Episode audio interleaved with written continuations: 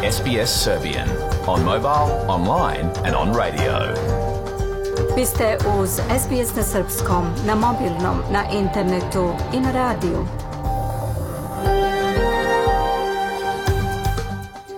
SBS odaje priznanje tradicionalnim vlasnicima zemlje sa koje danas emitujemo program na srpskom jeziku. Ovim izražavamo poštovanje prema narodu Vurunđeri Vojvorang, pripadnicima nacije Kulin i njihovim prošlim i sadašnjim starešinama.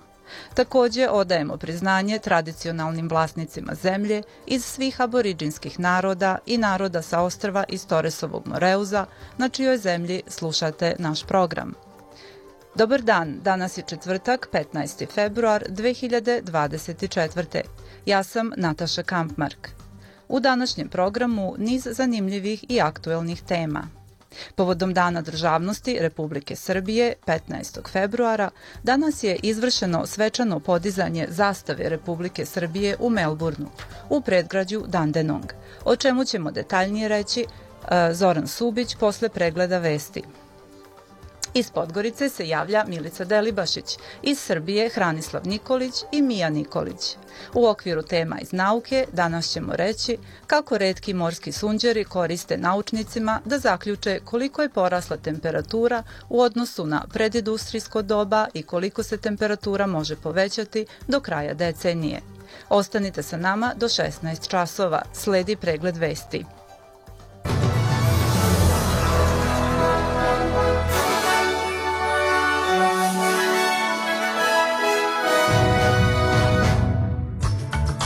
Promene Albenizijeve vlade za treću fazu smanjenja poreza prošle su predstavnički dom. U Viktoriji još bukte dva požara, dok je oko 125.000 domova širom države i dalje bez struje nakon oluje. Palestinski ambasador pri Ujedinjenim nacijama poručuje da je krajnje vreme da Savet bezbednosti donese odluku o rezoluciji o prekidu vatre.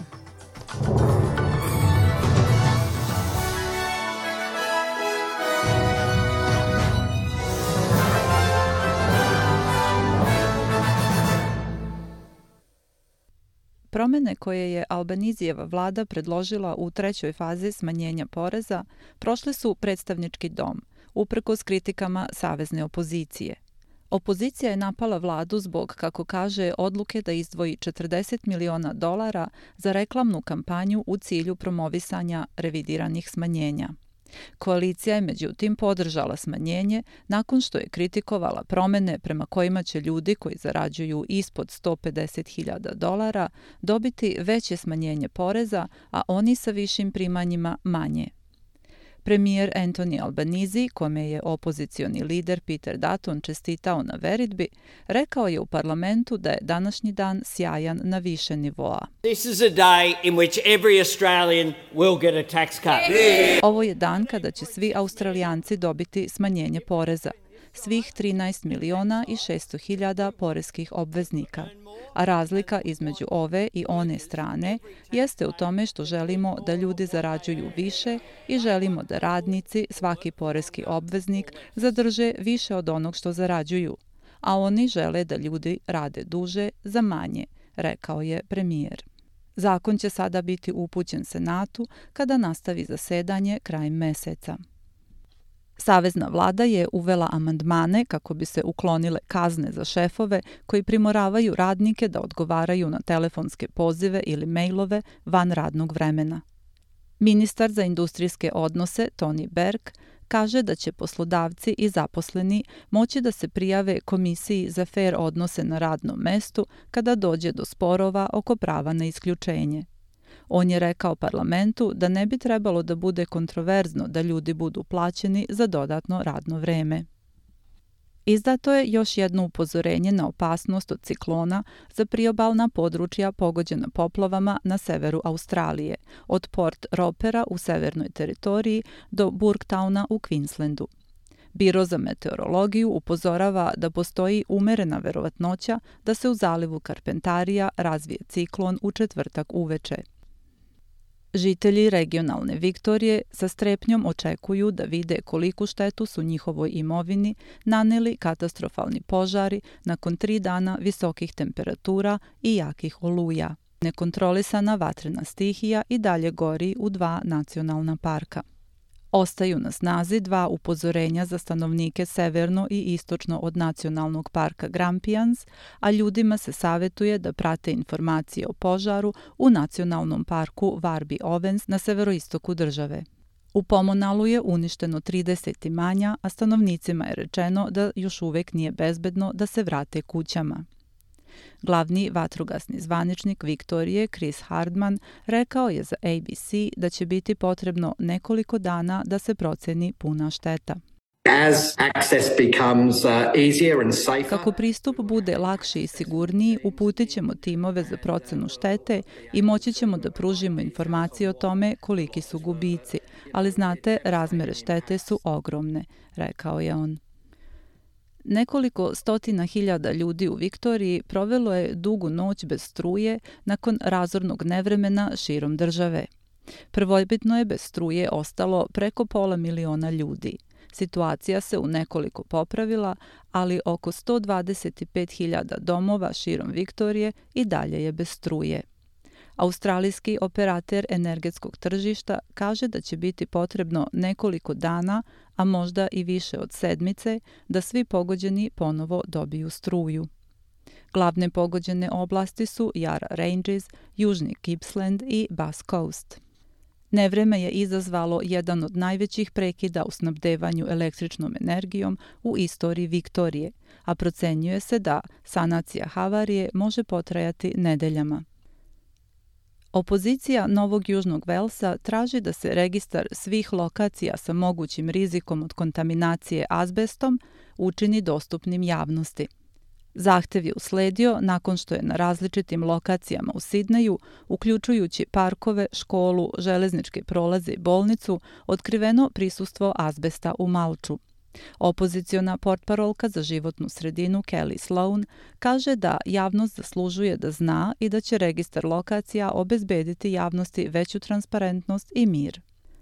Opoziciona liderka Tasmanije Rebecca White kaže da će laburisti nastojati da osvoje većinu glasova na predstojećim izborima u toj državi i da neće sklapati dogovore sa manjim partijama. Njena izjava usledila je pošto je premijer Tasmanije Jeremy Rockliff najavio da će prevremeni izbori biti održani 23. marta, više od godinu dana pre roka. Jedina liberalna vlada Australije je u manjini od maja, kada su John Tucker i Lara Alexander napustili stranku da bi postali nezavisni poslanici. I premijer i opoziciona liderka dali su izjave u kojima se distanciraju od mogućnosti još jedne manjinske vlade, a gospodin Rockcliffe je rekao da je to destabilizujuće. Rebecca White kaže da njena stranka traži većinu glasova tasmanijskog naroda.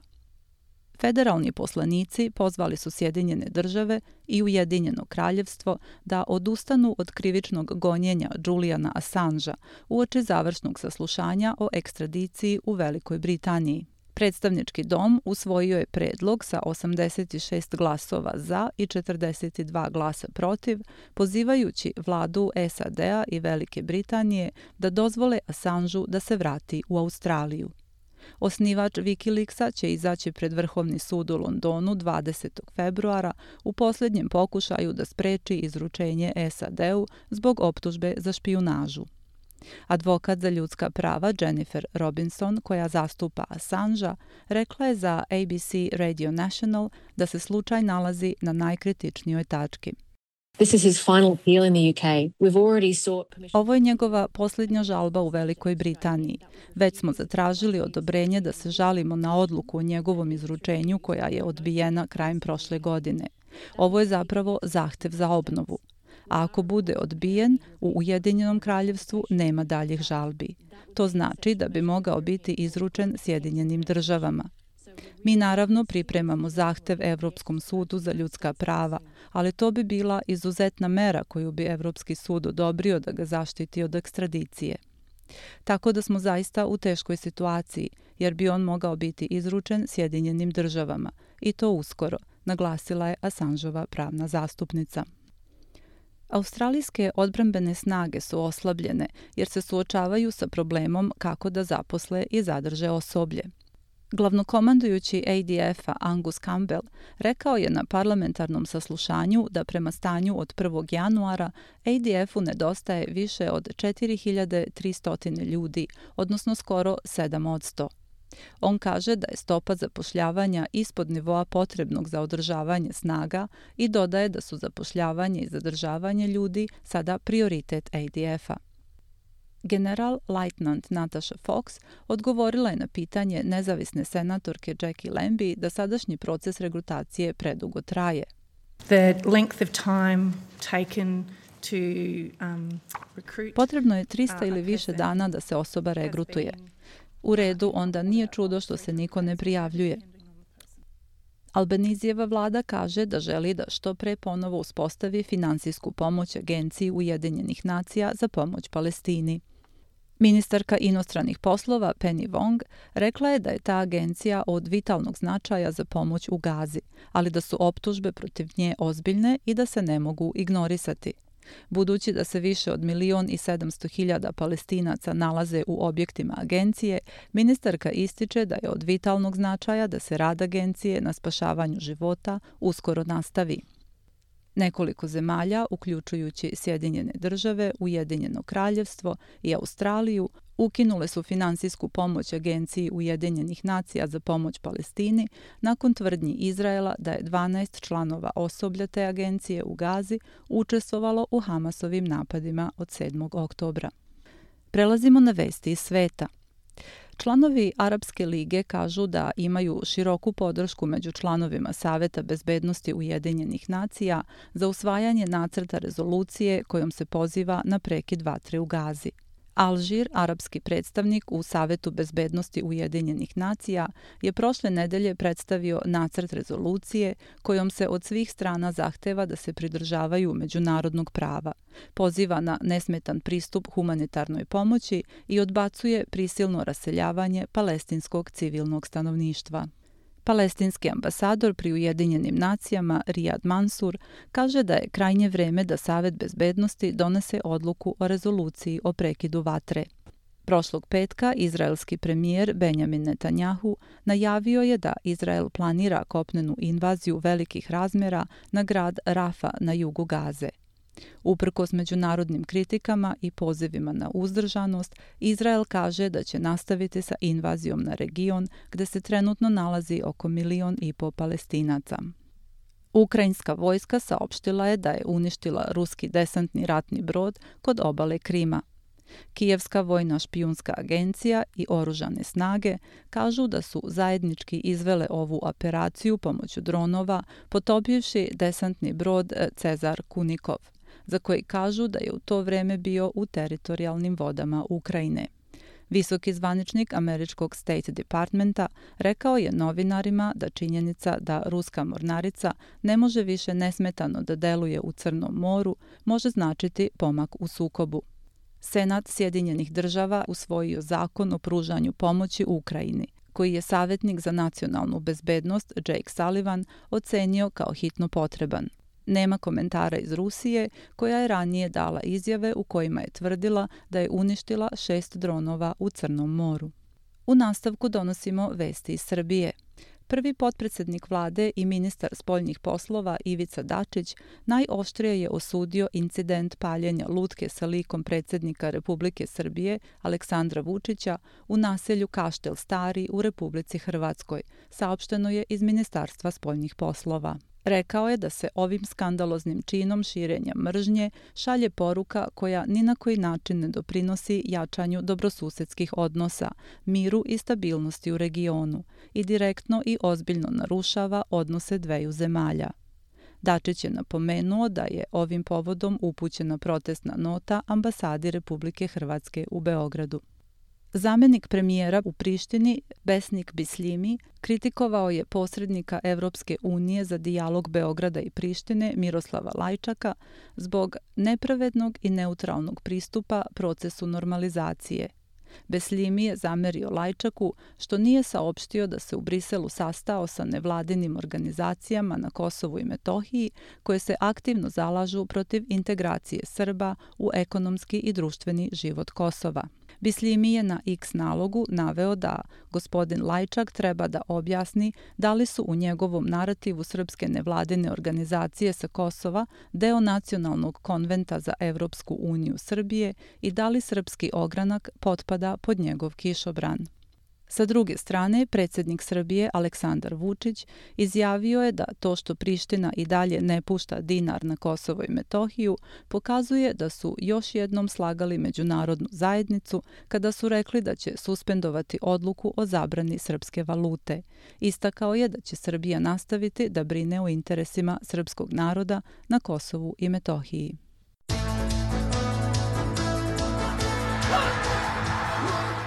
U prvim utakmicama osmine finala Lige šampiona futbaleri Lacija savladali su Bayern München 1-0, dok su futbaleri Paris Saint-Germaina savladali Real Sociedad rezultatom 2-0.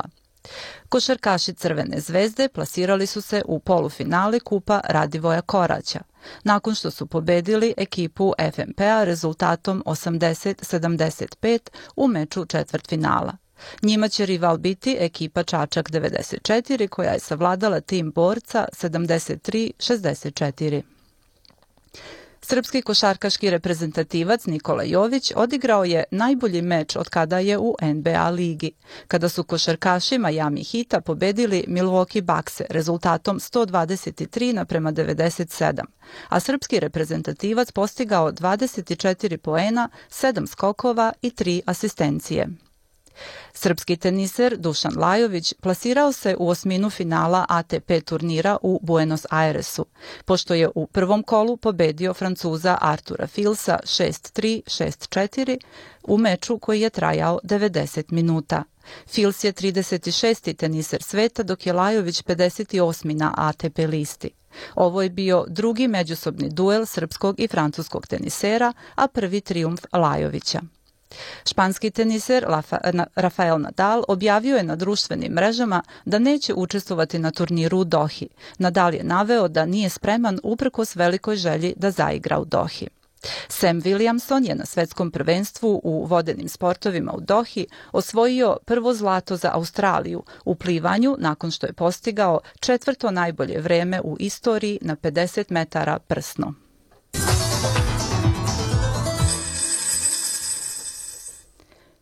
Australijski dolar danas vredi 65 američkih centi, 60 eurocenti, 52 britanska penija i 70 srpskih dinara i 86 para.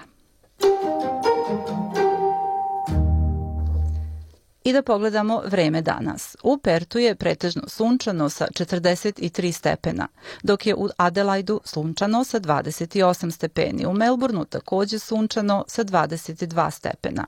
U Hobartu delimično oblačno 24 stepena, u Kamberi prolazni pljuskovi 23, u Sidneju pojačanje pljuskova 25, u Brisbaneu prolazni pljuskovi 31 stepen, u Darwinu pljuskovi sa mogućom olujom olujom i 32 stepena. U Beogradu se očekuje vedro sa maksimalnom temperaturom od 11 stepeni.